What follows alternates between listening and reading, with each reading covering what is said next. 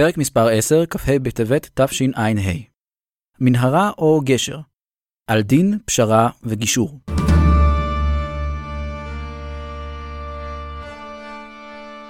הסיפור שלנו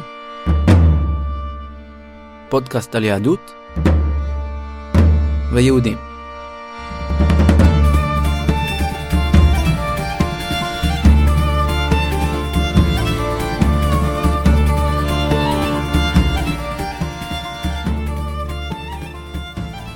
שלום, ברוכים הבאים לתוכנית הסיפור שלנו.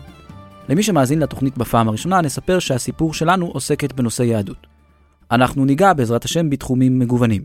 סוגיות הלכתיות, אישים חשובים, הגות, היסטוריה יהודית ועוד. בכל פרק נושא חדש. לי קוראים איתמר. בפרק הזה אנחנו ננסה שני חידושים שעוד לא היו כמותם בתוכנית. חידוש ראשון, אנחנו ננסה ללמוד ביחד סוגיה קצרה בגמרא. לא לדאוג, נראה לי שתגלו שזה הרבה פחות והרבה יותר. כלומר, הרבה פחות מסובך ממה שנדמה לכם, והרבה יותר מעניין ממה שאתם מצפים. החידוש השני והמרכזי הוא ראיון עם הרב זאב וייטמן. הרב וייטמן מוכר כרב של תנובה, וכיושב ראש ועדת השמיטה מטעם הרבנות הראשית. מה שלא כולם יודעים הוא שיש קשר משפחתי בין הסיפור שלנו לרב וייטמן. הרב וייטמן הוא הדוד של חגי עמנואל, העורך והמגיע של התוכנית. פרט לא מוכר מעניין נוסף על הרב וייטמן, הוא שהרב וייטמן הוא גם מגשר.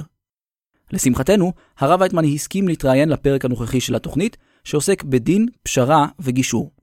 אבל זה יבוא מאוחר יותר. קודם כל, לפתוח את הגמרות. אנחנו מתחילים ללמוד במסכת סנהדרין מהתלמוד הבבלי, בדף ו' עמוד ב'. רגע לפני שנתחיל, משמעות המילה לבצוע היא לעשות פשרה. מה הקשר? בתוספות הראש מוסבר כך: לבצוע זה לחלק, כמו לבצוע חלל לשתיים. פשרה היא גם כן סוג של חלוקה. אף אחד לא מקבל את כל מה שהוא דורש, אלא רק חלק. לזכור, לבצוע שווה לעשות פשרה. אני מתחיל לקרוא מהגמרא. רבי אליעזר, בנו של רבי יוסי הגלילי, אומר, אסור לבצוע, וכל הבוצע, הרי זה חוטא, וכל המברך את הבוצע, הרי זה מנאץ, ועל זה נאמר, בוצע ברך ניאץ השם. אלא, ייקוב הדין את ההר, שנאמר, כי המשפט לאלוהים הוא. נעצור כאן לבינתיים. מה צריך לעשות כשיש סכסוך בין שני צדדים? לדוגמה, שפרה ופועה מתווכחות ביניהם למי שייך המגרש שמאחורי הבניין המשותף שבו הן גרות. רבי אליעזר בנו של רבי יוסי הגלילי אומר מה לא לעשות במקרה כזה. לדבריו, אסור לעשות ביניהן פשרה. למה? כי פשרה היא חטא. היא דבר לא מוסרי. בכל סכסוך יש צד צודק וצד לא צודק. המגרש שייך או לשפרה או לפועה.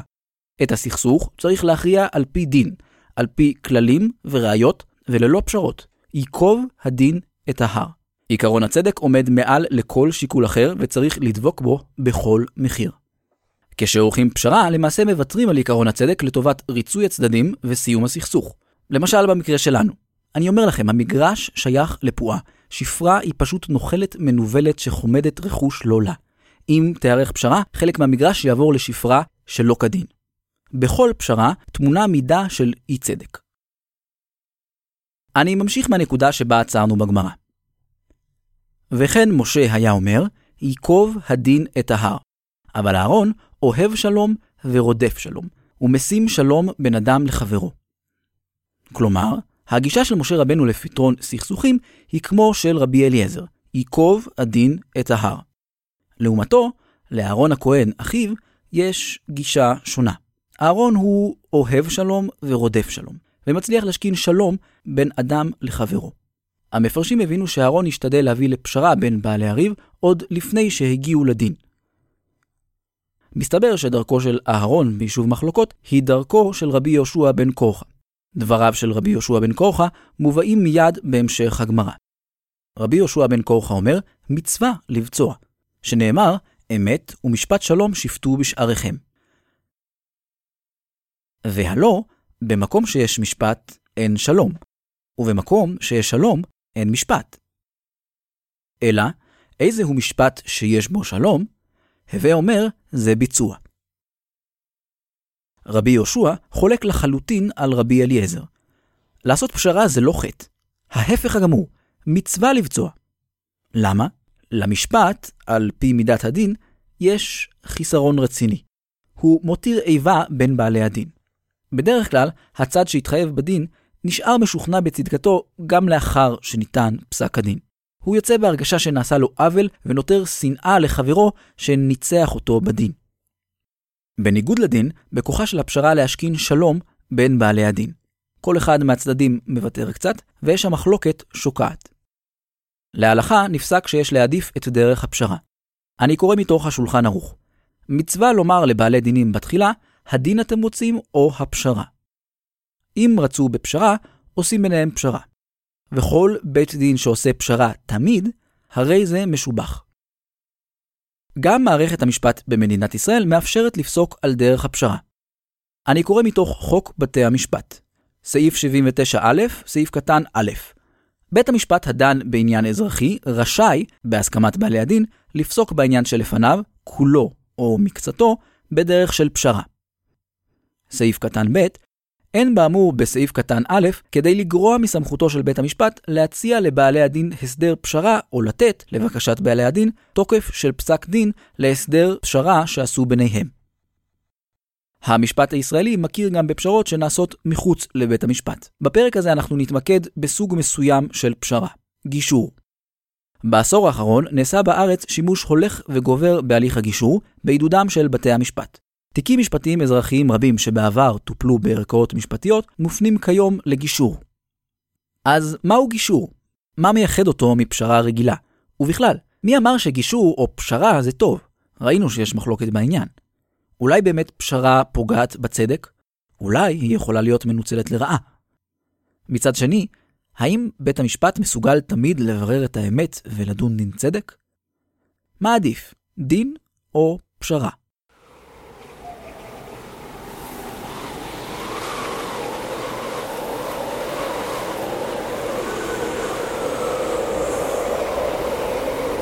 כדי למצוא תשובות לשאלות האלה, פעלתי במסירות נפש ממש.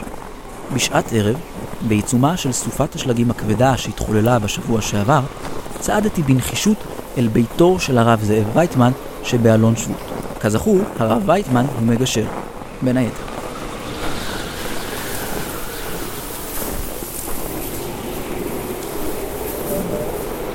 רוח חזקה נשבה, ופתיתי השלג היכו בפניי. השלג הגיע כמעט עד מותניי. חשבתי, אולי אשוב על עקבותיי. אבל אצל הרב וייטמן נמצאות התשובות לשאלותיי. דבר לא יעצור אותי.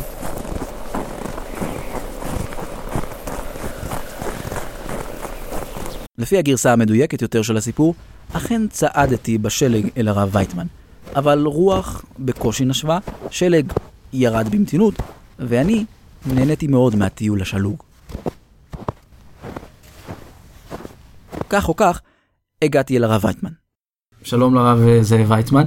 שלום, שלום. תודה רבה שהסכמת אה, להתראיין לתוכנית. איך גישור עובד? מתי תיק משפטי הוא מגיע אליך? ואיך באמת אה, מביאים שני בעלי דין או בעלי ריב להסכמה?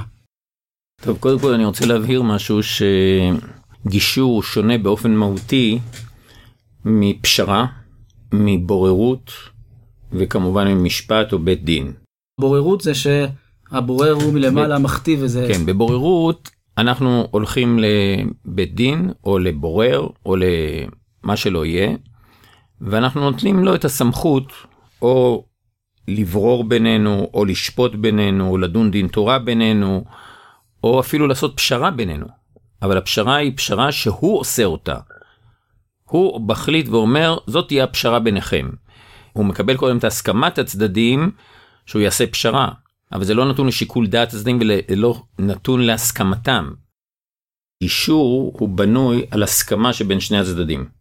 כאן הם בונים את ההסכם מראש, ורק אחרי שהם רואים את ההסכם, רואים את כל הפרטים של ההסכם, הם מחליטים האם הם הולכים על זה או לא הולכים על זה. וזה שינוי פשוט יסודי של גישור מכל הדברים האחרים. בכל הדברים האחרים יש איזושהי סמכות לדיין, לבורר, לשופט, להחליט ולעשות משהו, גם בסופו של דבר הצדדים לא מסכימים.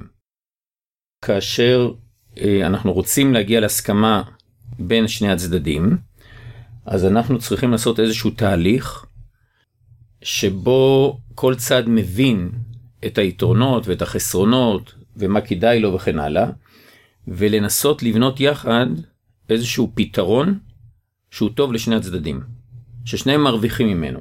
בגישור אנחנו מגיעים להסכמה בין הצדדים ושני הצדדים אומרים וואלה זה טוב לנו. איך באמת אה, עושים את זה? אז זהו, זה כרוך בזה שאתה צריך קודם כל ליצור איזשהו אמון בסיסי בין הצדדים ולהגיד להם אוקיי במקום לריב במקום להוריד ידיים אחד לשני בואו נתגייס שנינו שני הצדדים וננסה להבין מה כל אחד מהצדדים צריך מה כל אחד מהצדדים זקוק לו וננסה לבנות יחד פתרון שיענה על הצרכים שלנו ועל הדרישות שלנו. בצורה כזאת שגם אני וגם אתה גם הצד הזה וגם הצד השני שנינו נרוויח בסופו של דבר מהפתרון זה יהיה טוב לשנינו.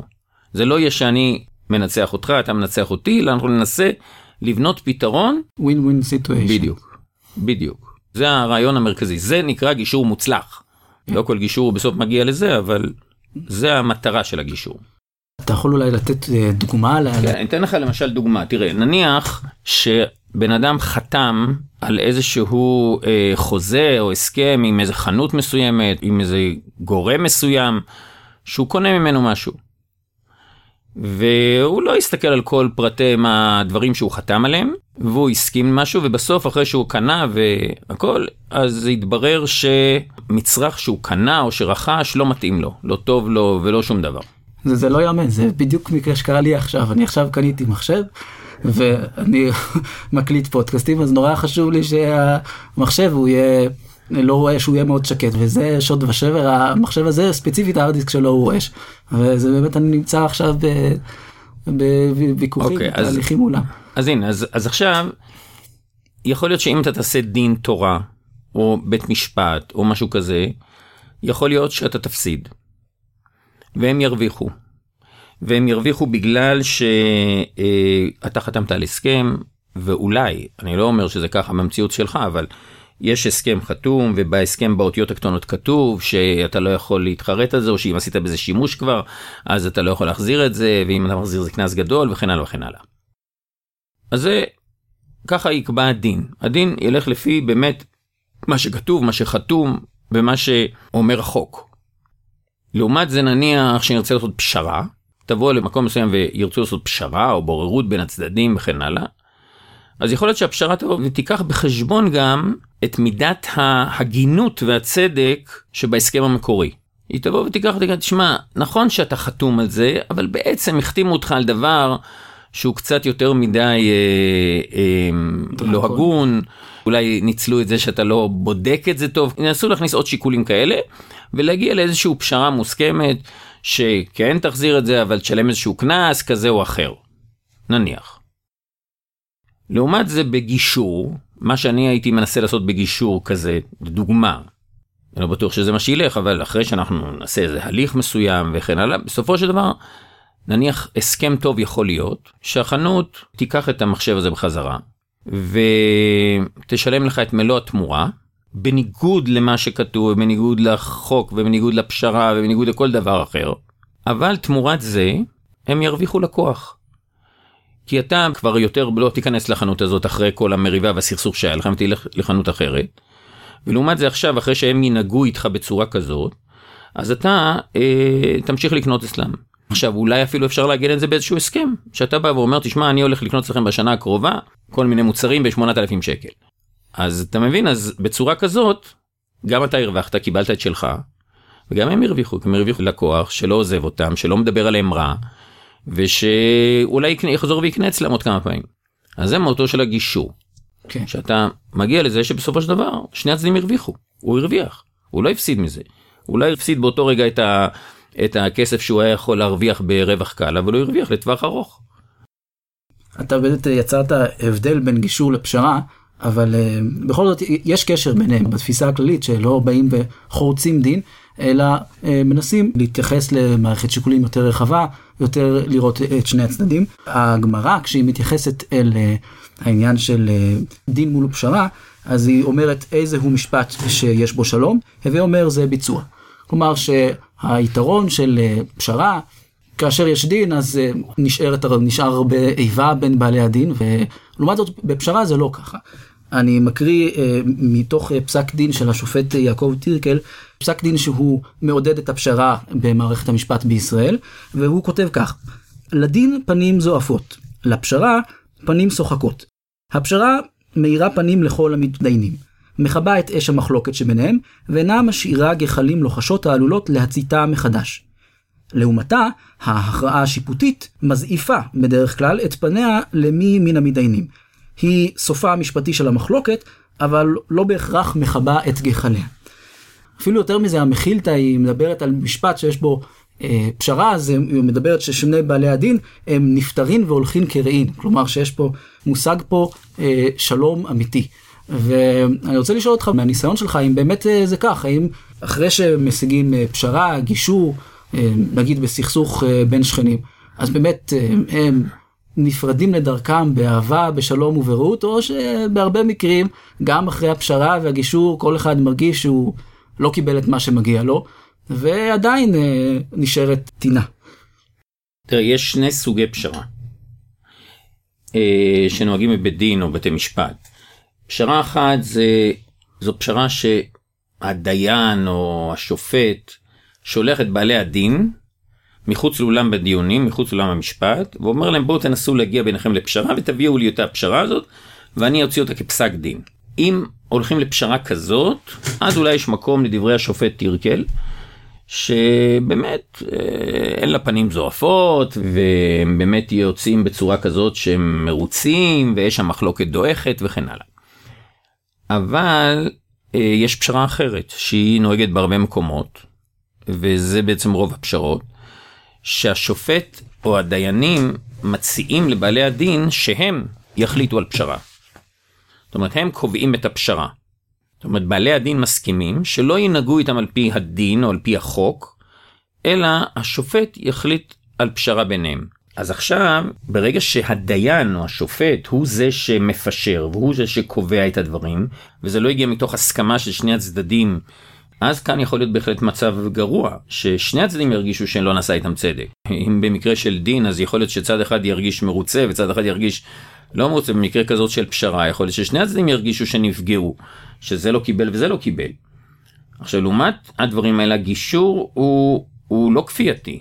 הוא ממש לא כפייתי. זה לא שהשופט מאיים ואומר תגיעו לפשרה או שאני דן אתכם, אלא הוא נעשה באיזו עבודה משותפת בין שני הצדדים, שהם ביחד מגיעים לאיזשהו הסכם שהם עצמם בונים אותו. ולכן אה, יש לזה יתרון עצום שהוא נותן גם סיכוי גדול יותר להשקטת אש המחלוקת, וששני הצדדים בסופו של דבר יצאו מרוצים. אז אה, אתה אומר גישור כן, פשרה פחות. אה, כן, גישור שהוא גישור אמיתי שמגיעים להסכמה ששני הצדדים מגיעים, זה עבודה, זה לא רק להגיע לאיזשהו מקום באמצע, זה ממש לא ככה. זה דורש עבודה כדי להבין מה הצרכים של כל אחד, מה הבעיה של כל אחד, מה כואב לכל אחד. ואז אתה בתור הצד השני, מנסה אתה, בתור הצד השני להציע, אני שומע את הבעיה שלך, בוא יש לי הצעה איך לפתור לך את זה. איך לענות על הצרכים שלך. ואם אתה בונה ביחד את הדבר הזה, בהחלט אתה יכול להגיע לאיזשהו הסכם ששני הצדדים יצאו מרוצים, וזה כמובן הישג עצום, זה סיפוק גדול מאוד. אם אתה מצליח לעשות את זה. ומה באמת התפקיד שלך? כלומר, הם מדברים ביניהם, ואתה? אה, להוליך את התהליך, לנהל את התהליך, להביא אה, כל אחד, קודם כל, שישמע את הצד השני. לתת לכל אחד לדבר ולדאוג לכך שהשני ישמע אותו, לשקף את הדברים, לראות שבאמת השני הבין בדיוק את הצרכים, לשבת אחר כך עם כל צד, לראות מה הוא יכול להציע, מה הוא יכול uh, לתרום לעניין הזה, האם הוא מבין את, ה, את הבעיה של השני, אם הוא מבין את הצד של השני. ואז בסופו של דבר לנסות יחד להגיע לאיזשהו מקום של ליצור הסכם ולעזור להם בניסוח ההסכם, ב... בהחלט עבודה רבה, זה לא פגישה אחת ושניים, זה יכול להיות כמה פגישות. קרה לך איזה מקרה ש... הצלחת לעשות איזה נס, כלומר שהגיע לך מקרה של סכסוך נוראי, ובסוף גם הושג אה, פשרה, אבל גם באמת שלום אמיתי. אני לא עוסק בזה הרבה, אבל אני מכיר הרבה מקרים שכן, בהחלט היו כאלה דברים. אני אישית מגשר, אבל אני לא עוסק בזה ביום יום ולא עוסק בזה הרבה, אבל חברים שאני יודע שהם עושים בגישור, בהחלט, כן.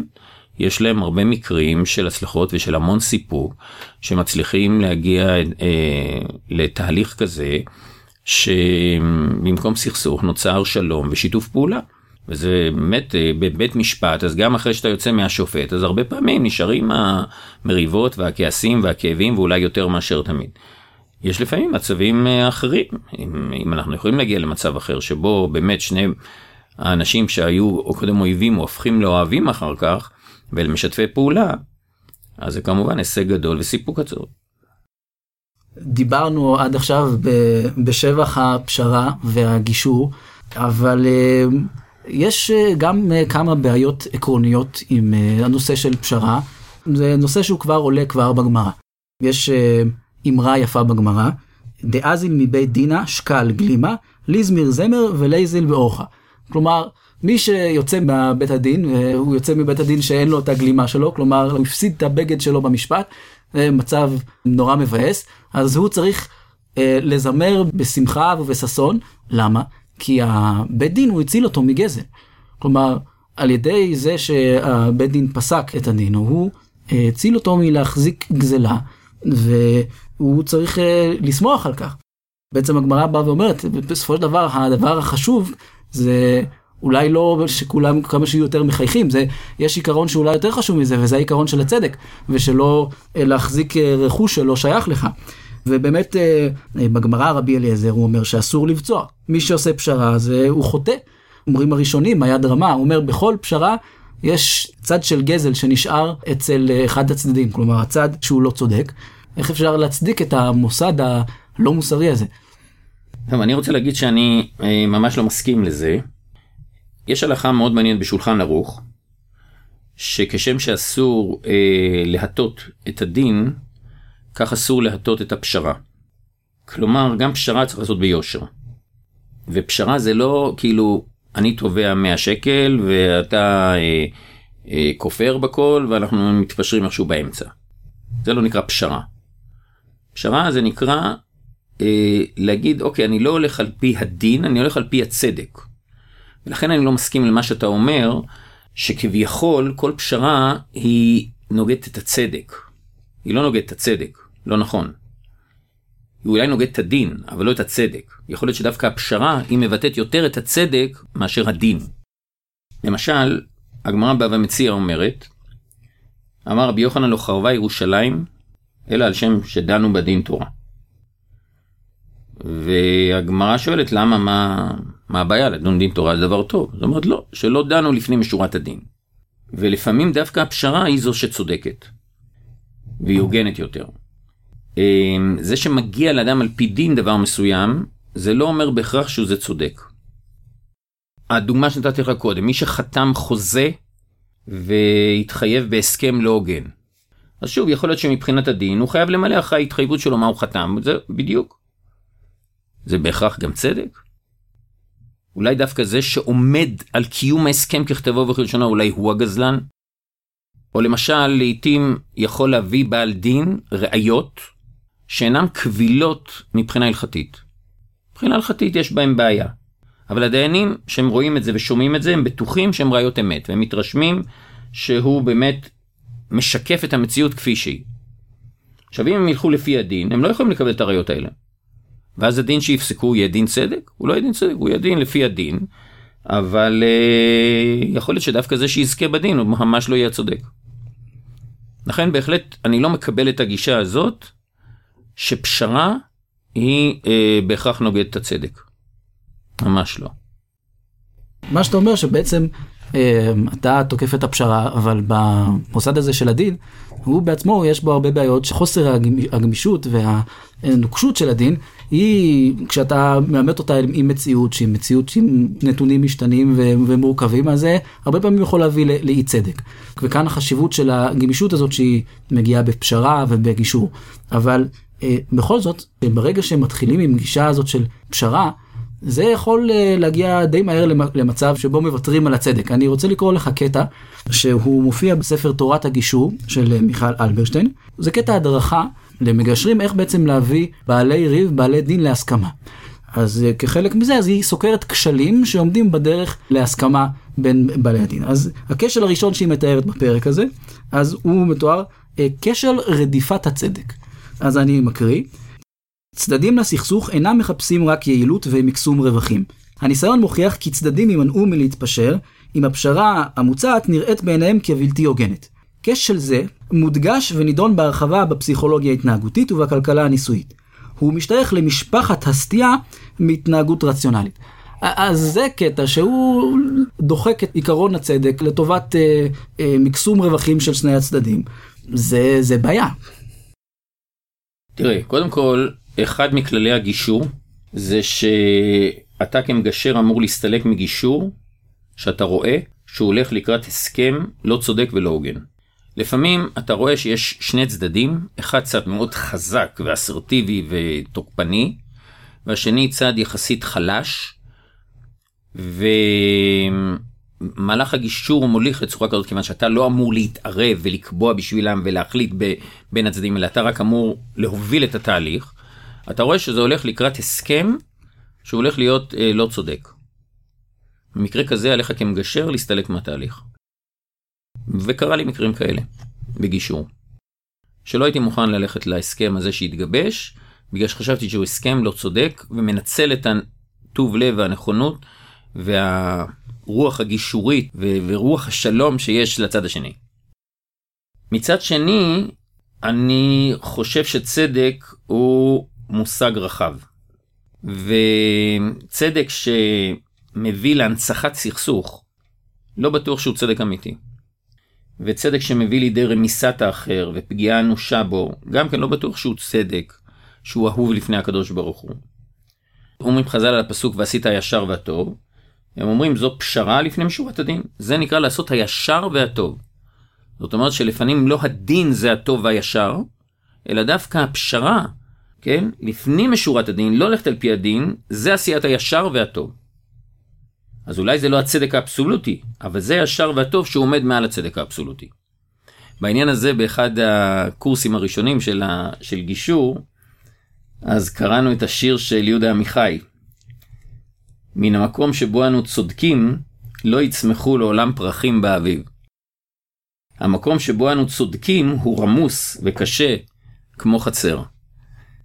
דווקא במקום שבו אתה מוכן להתפשר, ואתה מוכן להיות רך, ואתה לא עומד על שלך, דווקא שם האדמה יותר נוחה לגדל צמחים, היא פחות רמוסה ופחות הדוקה, יותר תכוחה אולי, הייתי אומר תכוחה, בצורה כזאת שהיא יכולה לגדל פרחים.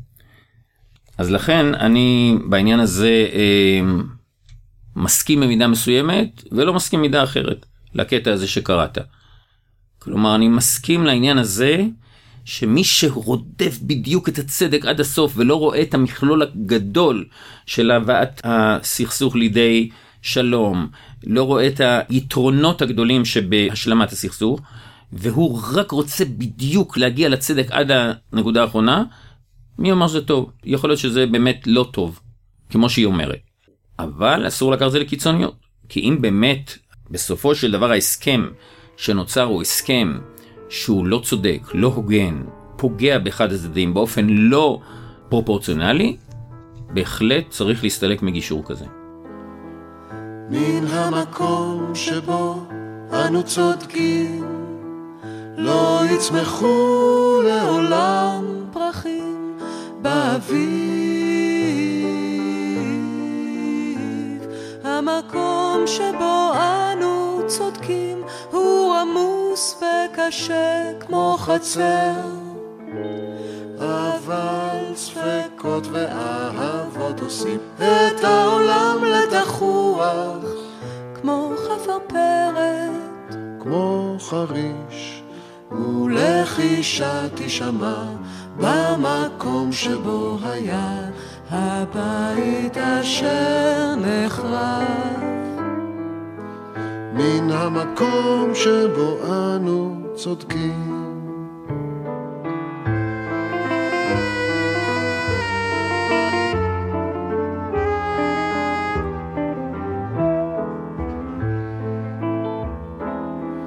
מן המקום שבו אנו צודקים, לא ויצמחו לעולם פרחים באביב. המקום שבו אנו צודקים הוא עמוס וקשה כמו חצר. אבל ספקות ואהבות עושים את העולם לתחוח. כמו חפר פרק. יש סכסוכים משפטיים פשוטים, בינאריים. הייתה הלוואה או לא הייתה הלוואה. המגרש שייך לשפרה או לפועה. צד אחד צדיק והצד השני רשע. במקרים כאלו קשה לדבר על צדק רחב שעומד מעל לצדק האבסולוטי. כאן הצדק הוא אכן פשוט ומוחלט. למרות זאת, לא תמיד קל לברר אותו, בגלל היעדר ראיות וכדומה. במידה שמושגת פשרה במצבים כאלו, הרי שמדובר באילוץ, בתוצאה של חוסר ברירה.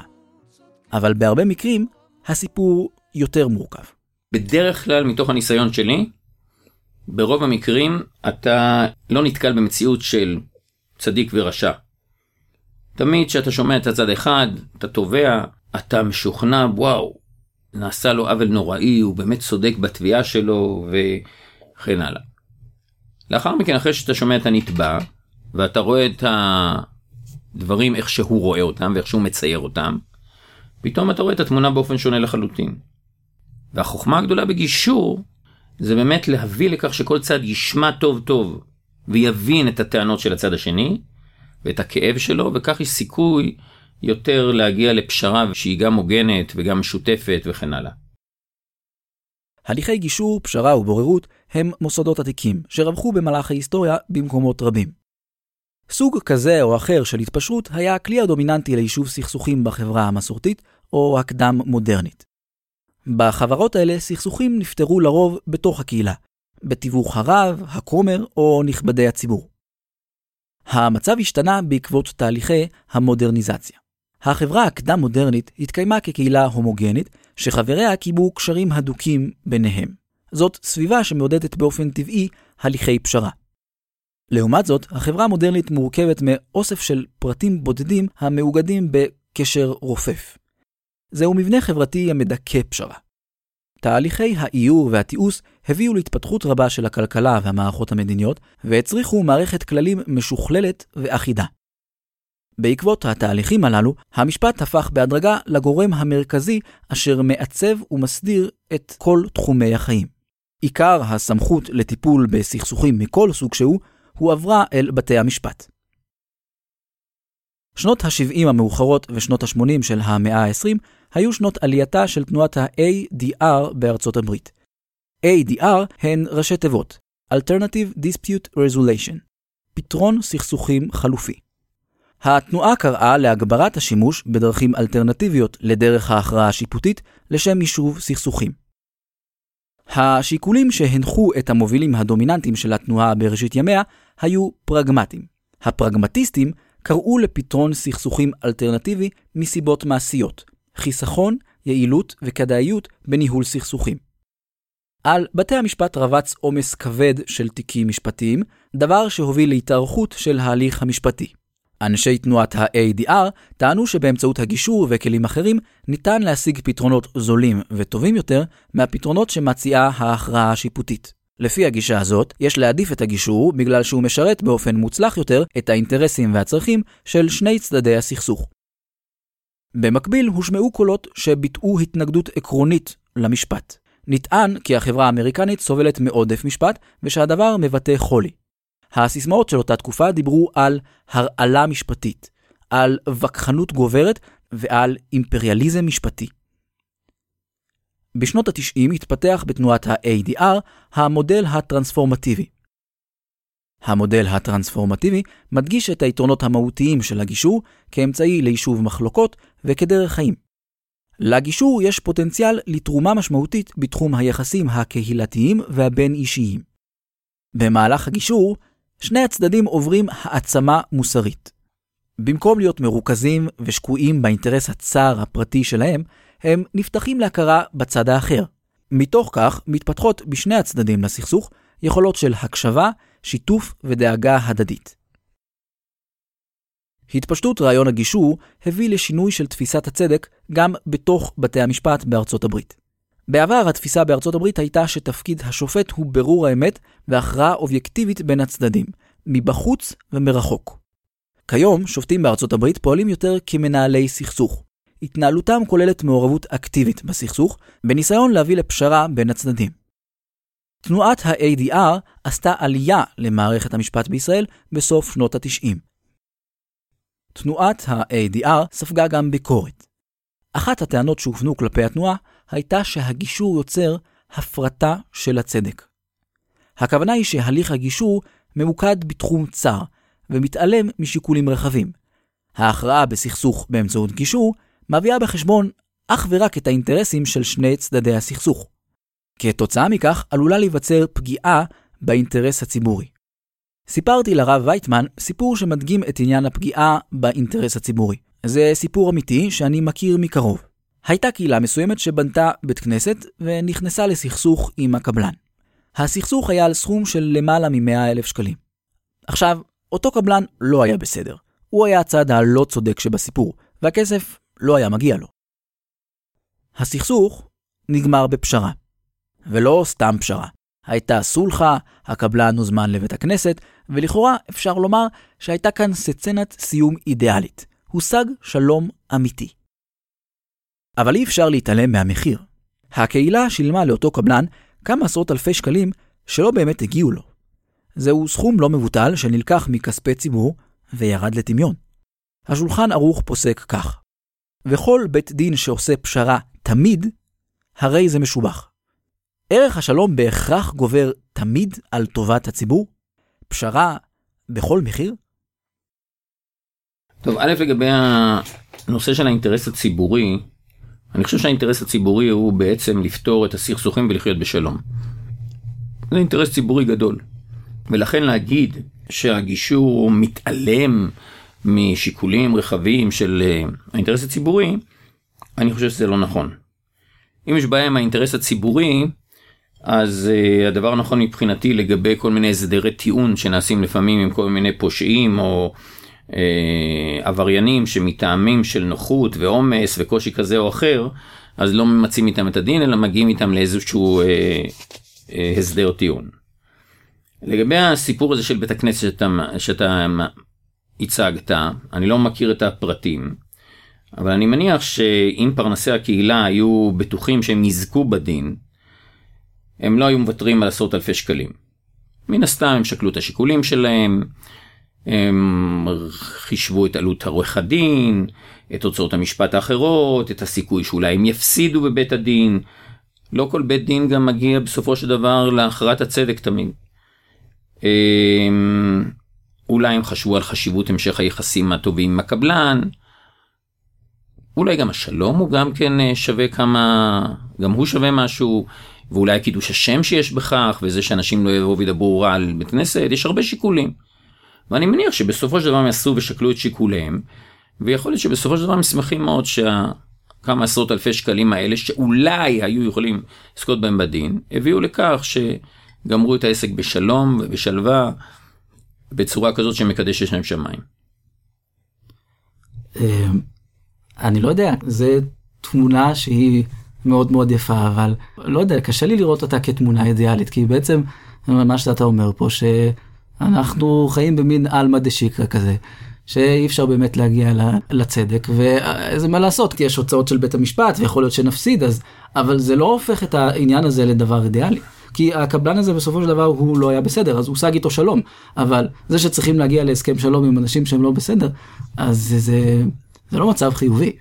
כלומר, התמונה היא פה היא לא ורודה כל כך. תראה, יש בהלכה דין בשולחן ערוך, שמותר לבית הדין לעשות פשרה גם עבור יתומים. והמשמעות של הדבר היא שרואים את החשיבות, שבית הדין שוקל את הדברים, והוא רואה שהעובדה שהיתומים האלה יחיו בלי אויבים ובלי מלחמות וסכסוכים וכדומה, גם אם זה במחיר של ויתור על חלק מנכסיהם, שבזה יש זהירות רבה מאוד שאסור לפגוע וצריך לשמור מכל משמר על נכסי יתומים, בכל אופן מותר להם לעשות פשרה. למה? כי רואים חשיבות בעניין הזה של הפשרה. ורואים חשיבות בעניין השלום. ואני לא חושב שאי אפשר להגיע לצדק, אבל כמו שאמרתי קודם, הצדק הוא הרבה יותר רחב מאשר שורת הדין. הצדק הוא כולל הרבה הרבה דברים, ולא בהכרח העניין הזה שאתה פועל בדיוק על פי הדין, זה, אה, זה, זה תמיד הצדק. כל בתי הדין היום, כל בתי הדין היום, בתי דין לממונות שאני מכיר, אף אחד מהם היום לא פוסק על פי דין תורה. כולם עושים פשרות. הם קוראים לזה פשרה הקרובה לדין. זאת אומרת, הם משתדלים ללכת ברוח הדין, אבל זה לא בדיוק דין תורה. וזה גם דין בשולחן ערוך ככה. שולחן ערוך גם כן אומר ככה שצריך אדם להתרחק מאוד מאוד, דיינים צריכים להתרחק מאוד מאוד מלדון דין תורה. כך כתוב בשולחן ערוך. אז uh, אני אומר הצדק הוא דבר הרבה יותר רחב מאשר בדיוק ללכת על פי הדין. הרעיון הגדול הוא שהרבה פעמים פשרה ובוודאי גישור הם יכולים בסופו של דבר להביא לצדק יותר גדול כשאתה שוקל את כל הדברים את מכלול השיקולים מאשר אה, שורת הדין. כפי שאמרתי, המקרה עם בית הכנסת והקבלן הוא מקרה אמיתי. סיפרתי אותו מהכיוון שיצא לי להכיר אותו, הצד של אנשי הקהילה שבנתה את הבית כנסת. מן הסתם, הקבלן ראה את הדברים בצורה קצת אחרת. ושמעו דבר מעניין, כשדיברתי עם האנשים מהקהילה לאחר שהושגה הפשרה, גם הם ראו את הדברים בצורה קצת אחרת. בשלב הזה גם הם הסכימו שחלק מהצדק היה בצד של הקבלן. כל הדיון הזה סביב אה, גישור ופשרה, הוא נוגע מאוד ברבדים פילוסופיים יותר עמוקים. אני אדגים את העניין, אז אני אקרא איזה קטע שהוא הוא גם, הוא מהווה הדרכה בשביל צדדים שעוסקים בגישור. אפשר לשים לב שזה קטע עם ניחוח אה, פוסט מודרני מאוד מאוד אה, בולט. אז אני קורא, הצדקה או הנמקת האינטרסים שלך אינם הגורם המזיק, אלא דווקא הטענה לעליונות מוסרית הבאה בד בבד עם השמצה מוסרית גלויה או מובלעת של האחר. אם מוצעת הצדקה, היא צריכה להיעשות מתוך הכרה מלאה במעמד המוסרי השווה של האחר. אז uh, אתה מסכים עם הקטע הזה? במידה רבה כן. כי תראה, כמו שאמרתי לך קודם, מהניסיון שלי, אין כמעט מציאות של צדיק ורשע. תמיד יש אמת פה ואמת שם. כל אחד יש לו את הצרכים שלו ואת האינטרסים שלו, והצגת האינטרסים והצרכים, כמו שמוצג כאן, היא בהחלט יכולה לסייע מאוד לבנות פשרה שהיא תהיה באמת בבחינת win-win situation. זאת אומרת ששני הצדדים ירוויחו בה, כי כל אחד יבין בדיוק מה הצרכים והאינטרסים של האחר וינסו לבנות כזה דבר שהוא בסופו של דבר יענה על הדברים העיקריים שלך ואתה תצא מורווח מכך. ואני חושב שברגע שאתה מנסה לריב על הצדק על העליונות המוסרית אני צודק ולא אתה ולא לראות את הצד השני ולא לראות את הצדק שיש בצד השני אתה בסופו של דבר מוליך לכיוון כזה של פיצוץ ושל התנגשות ולא לכיוון כזה שיכול לבנות איזושהי אה, פשרה מוסכמת והוגנת בין הצדדים.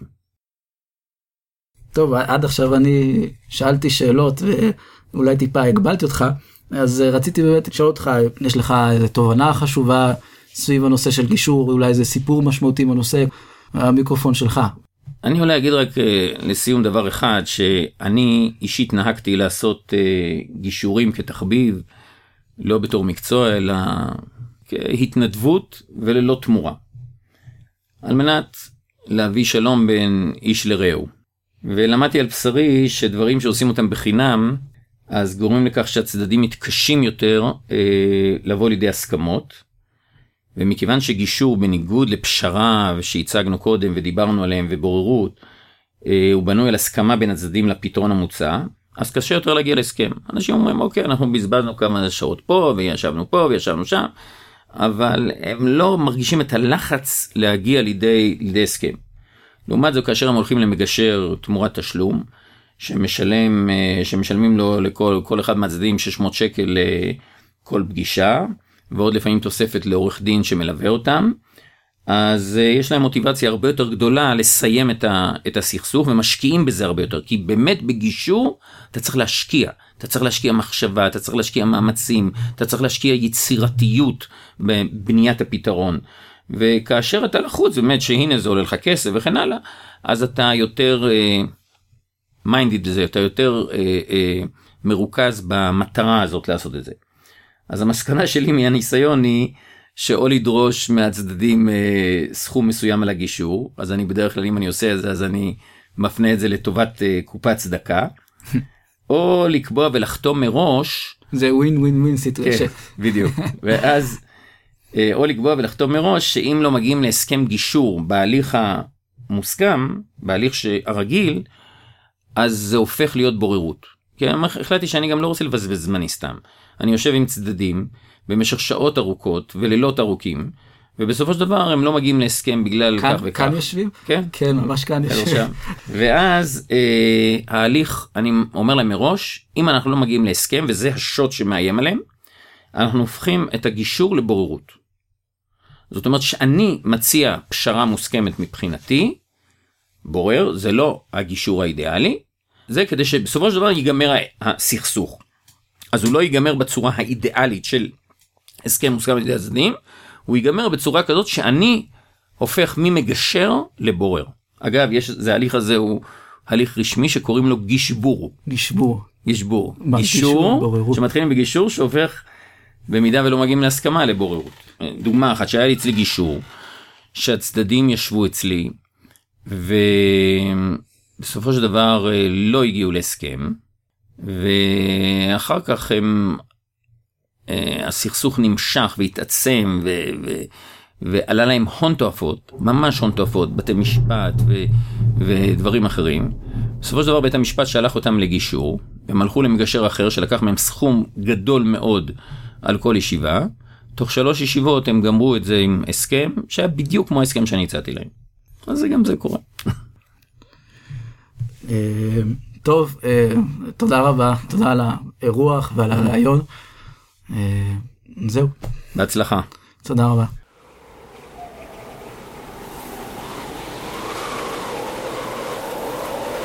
יצאתי מהרב וייטמן בחזרה אל הלילה והשלג. בדרך חשבתי על מה שהיה בריאיון. הרב וייטמן אמר שהצדק הוא מושג רחב. זה אומר שלא בדיוק קיים צדק מוחלט, ולכן זה לא צודק לרדוף אחריו. האמת היא שהוא לא כל כך מוצא חן בעיניי הצדק הרחב הזה. בהחלט הייתי מעדיף עולם של צדק חד, מוחלט ונוקב. עולם של רשעים וצדיקים, שחור ולבן. זה פחות נחמד כשיש אמת פה ואמת שם, וכל צדיק הוא גם קצת רשע, והמציאות כולה היא אפרורית ופושרת כזאת.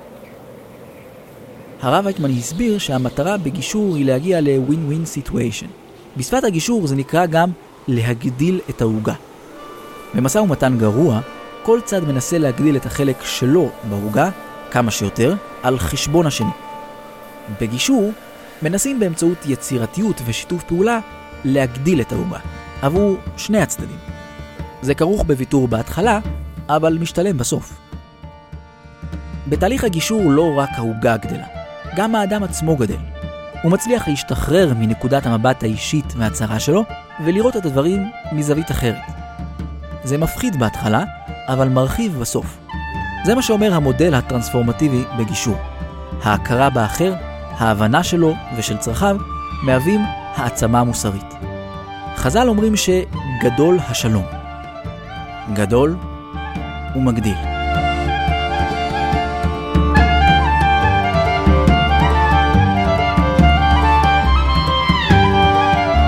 הגעתי גם לעוד תובנה, אולי עמוקה יותר. הבנתי שהייתה לי החמצה גדולה. זוכרים את הצעת הגישור של הרב וייטמן עם החברה שמכרה לי את המחשב הרועש? למה לא ביקשתי מהרב וייטמן לגשר בינינו?